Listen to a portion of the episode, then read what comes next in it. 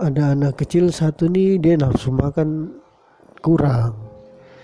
Jadi anak kecil pemama nih suruh anak kecil pun nenek nih pergi beli obat untuk nafsu makan kayak sirup begitu. Terus anak kecil pemama bilang nenek ingat ya pergi di apotik beli obat nafsu makan jadi sepanjang jalan ini nenek pergi ditinggal ingat obat nafsu makan nafsu makan dia sampai dia lupa tuh. Pas jalan-jalan begini karena ingat obat nafsu makan sampai dia menyeberang terlihat kiri kanan.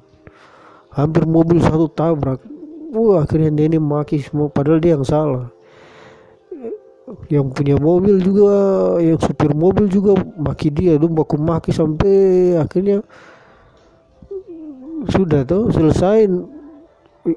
Supir dia lewat ini masuk di apotek pas masuk di apotek begini karena tadi buku maki rame jadi. Dia lupa obat nafsu makan itu. Pas dia berdiri di depan penjaga apotek langsung penjaga apotek bilang nenek mau beli apa? Tapi karena tadi lupa jadi dia ingat-ingat terhadap ingat langsung dia bilang ibu ada jual obat hawa obat hawa nafsu kan